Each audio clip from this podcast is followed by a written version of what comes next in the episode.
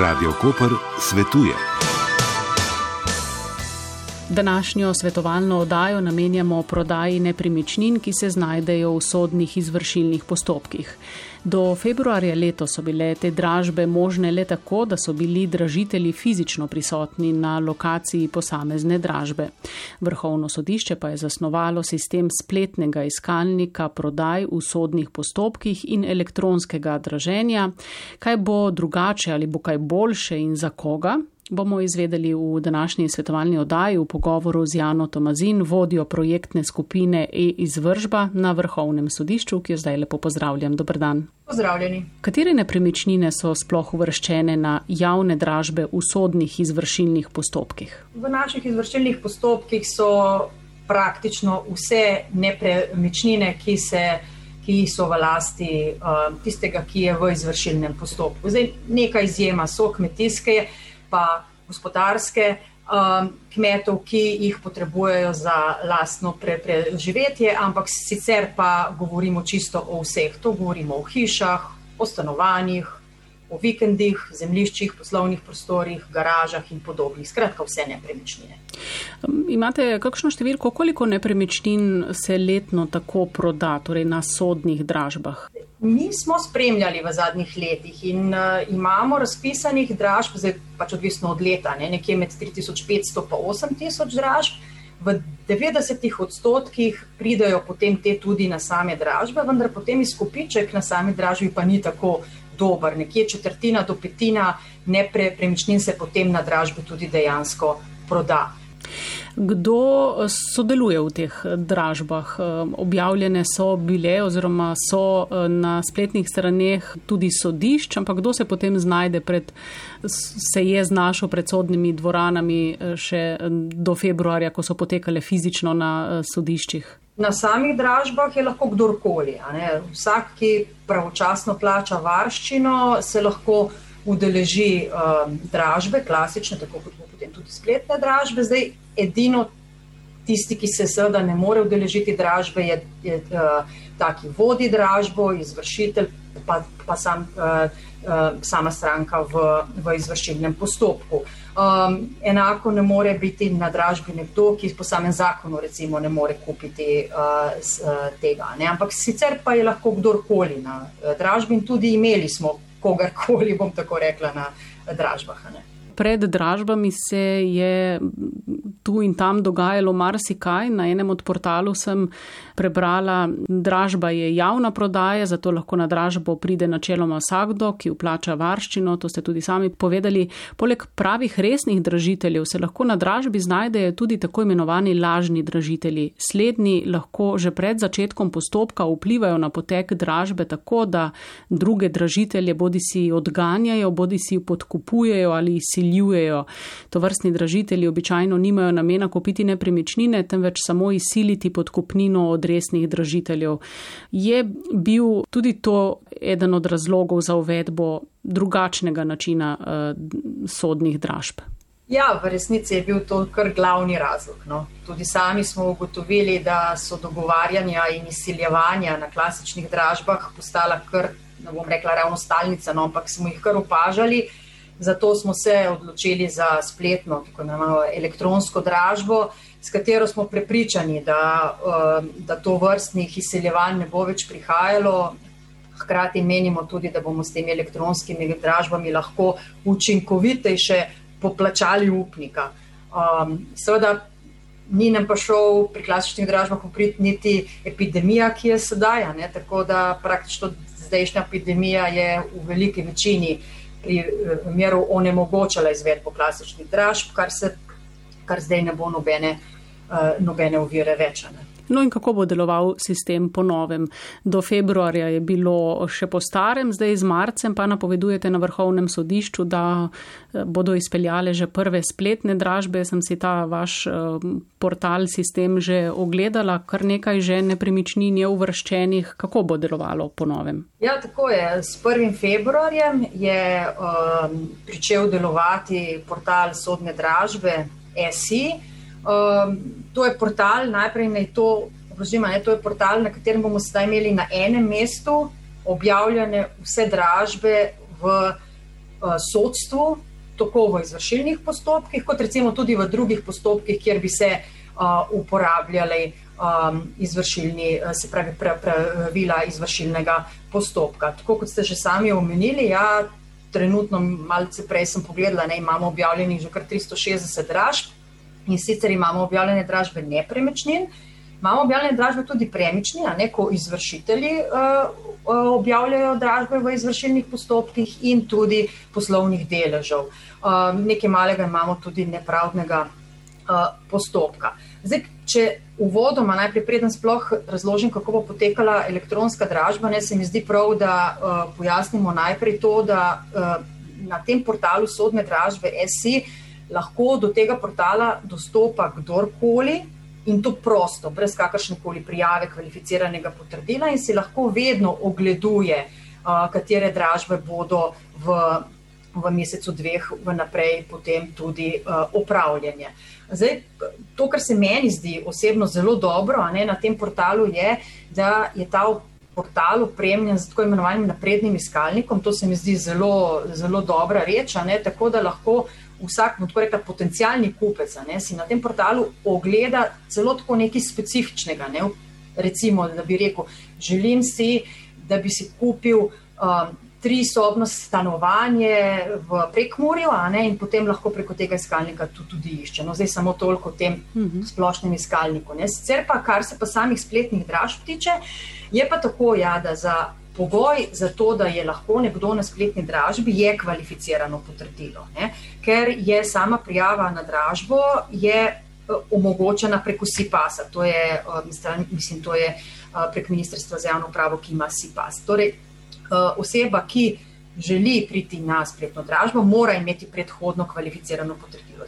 Jaz, jaz mislim, da velika večina že imamo kvalificirane potrdila, bodi si zato, ker poslujemo z EU-pravo, z e-davki ali pa ne vem, spletne banke in tako naprej. Ampak sicer pa tudi, če je nimamo, je pridobitev kvalificiranega potrdila presej enostavna stvar, terja nekaj dni, to je treba edino paziti, ne, da se ne pridobiva kvalificirano potrdilo tik pred, tik pred samo dražbo. Uh, torej, če ima oseba kvalificirano potrdilo, potem gre na spletno stran sodne dražbe SI, najde tisto, kar želi, in potem, in potem se prijavi na, uh, na spletno dražbo. Ob sami prijavi na spletno dražbo, in to je bistveno, ne, uh, prijava mora potekati tri dni pred samo dražbo, se pravi, najkasneje tri delovne dni pred dražbo se lahko prijavi na uh, dražbo. In ko se prijavi na dražbo, pridobi plačilni nalog in to ga preko, preko te uh, uh, portala, ne, pridobi plačilni nalog, s katerim plača varščino. Tudi tukaj velja, tako kot je bilo pri klasični dražbi, varščina mora biti plačana in mora biti plačana najkasneje tri delovne dni pred, pred dražbo, sicer ne more pri, pristopiti na, uh, k, k dražbi. Uh, no, zdaj, če se bo nekdo želel prijaviti, seveda kasneje, kot tri delovne dni, tega gumba za prijavo na dražbo sploh ne bo imel, ker je pre, prepozen. No, potem, ko se prijavi in plača varščino, ga morajo na tistem okrajnem, kjer je razpisana dražba, seveda tudi potrditi ali pa zavrniti, če se ugotovi, recimo, da je plačal varščino prepozno. Zdaj, o vsem tem, ne je potencijalni kupec obveščen ne samo prek tega portala sodne dražbe SI, ampak vse te stvari pridobiva tudi na svoj elektronski naslov. Torej, da, je, da se je na dražbo prijavil, da so ga potrdili in vse te stvari, da lahko spremlja. Potem pa, ko je enkrat že na uh, dražbi, zgleda, draž, zgleda spletna dražba pa tako, da se na tisti dan, ko je razpisana in tisto uro, samodejno vklopi, bom tako rekla, splet, spletna dražba. Um, pred tistim je odštevalnik, tako da lahko vsakdo spremlja in vidi, koliko časa je še do same dražbe. Potem pa, ko se dražba na tisto uro odpre, je potem tudi odštevalnik, ki odšteva, koliko je še do, same, do, do konca same dražbe. Zdaj, recimo, da imamo dražbo, ki je razpisana za pol ure, potem lahko v tem, v tem času pol ure vsakdo, ki je prijavljen na dražbo, tudi viša ceno. Zdaj, kaj je posebnost pri, spe, pri tej spletni dražbi, kot ste že prej um, rekli? Posebnost spletne dražbe je v tem, da se na dražbi sodeluje anonimno. Se pravi, nihče ne samo, da ne ve, kdo je za tem anonimnim znakom, ampak nihče dejansko tudi ne ve, koliko jih je na sami dražbi. Dokler ne vidi, da je nekdo višal ceno, v resnici ne ve, ali je na dražbo prijavljen sam ali je še kdo poleg, poleg njega.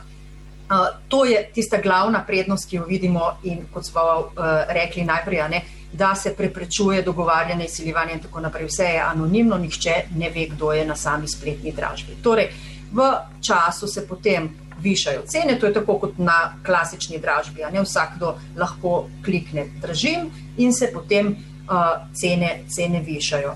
To pomeni, da eh, za tem spletnim draženjem eh, ni več recimo sodnika ali sodnice ali eh, osebja sodišča, kakor smo bili vajeni na sodiščih. Je to res avtomatizem ali je vendarle še človeška roka v ozadju? Človeška roka v ozadju je samo v tem delu, da dražbo razpiše in da potrjuje potencijalne kupce, torej prekontrolira, ali je plačana varščina, je v roku prijavljena ali izpolnjuje vse ostale pogoje. In takrat jih potrjuje. Potem pa sama dražba kot taka, pa je popolnoma avtomatizirana. Edini člo, človeški faktor, kjer lahko poseže vanjo, bi bil edini ta, če bi z nekim res specifično okoliščino, ki si zdaj v tem hipu niti si ne more misliti, kakšna je, ne, prišlo do prekinitve dražbe. Takrat bi lahko človek prekinil dražbo. Se pravi, sicer je pa to popolnoma avtomatizirano. Že sami ste omenili cene, torej ali nižanje ali višanje. Pravijo, da nakupne premičnine na dražbi se zares splača šele na drugi ali tretji dražbi. Kako bo s to večstopenskostjo dražb, eh, elektronskih eh, dražb? Zdaj, pri elektronskih dražbah je stvar popolnoma enaka kot pri klasični. Ne? Imamo prvo, imamo drugo dražbo, tiste zelo stare dražbe so potem tudi tretje, ampak v osnovi imamo prvo in drugo dražbo in velja enako. Ne. Pri prvi dražbi ne smemo iti pod 70 odstotkov ocenjene vrednosti, pri drugi dražbi pa seveda gremo lahko niže in gremo na 50 odstotkov. To je vse enako tudi pri spletni dražbi. Jaz mislim, da eh, tako nekako predvidevamo, ne, da morda bo več nepremičnin prodanih na spletni dražbi, na prvi dražbi ravno zaradi tega momenta, kot sem ga prej omenila, manipulacij tlele ni ravno veliko. Ta mo moment, ko ne veš, če je še poleg tebe kdo na dražbi, ne, je, je nek faktor, ki bo verjetno vplival na to, da bi nekdo, ki v sodni dvorani vidi, koliko je ostalih in zna nekako oceniti, ali bo kdo višel celo ali ne, tukaj tega učinka ne bo če lahko se samo vrnem, prosim, na uh, prej, mhm. ko sem razložila, ne, ker se mi zdi bistveno in je nekoliko drugače v primerjavi s klasično dražbo pri spletni dražbi, je pa tako imenovano dinamično podaljševanje. To se mi zdi bistveno. Torej, dražba je razpisana za neko obdobje, prej smo rekli morda 30 minut, ne, ampak potem imamo tako imenovano dinamično podaljševanje dražbe. Kaj pa je to?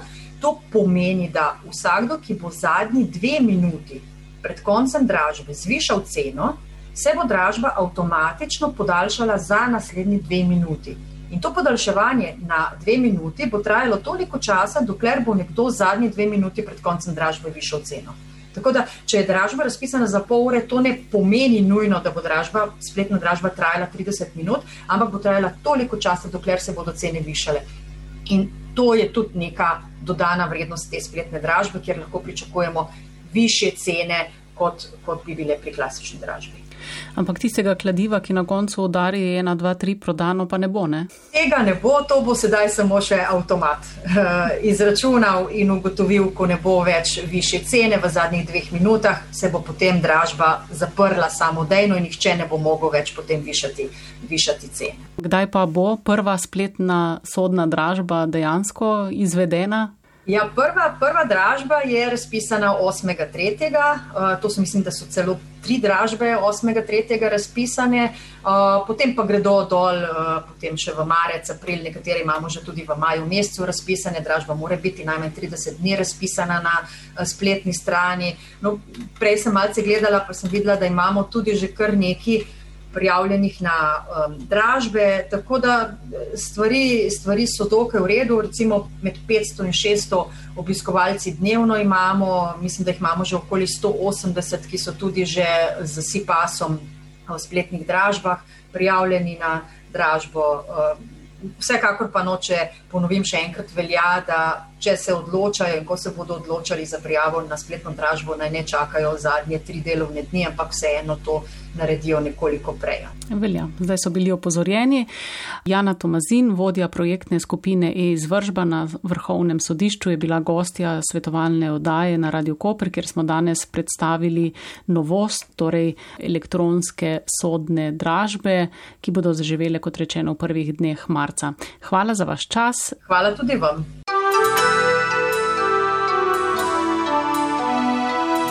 Radio Koper svetuje. Če bi oddaji radi prisluhnili znova, jo poiščite na spletni strani radiokoper.si.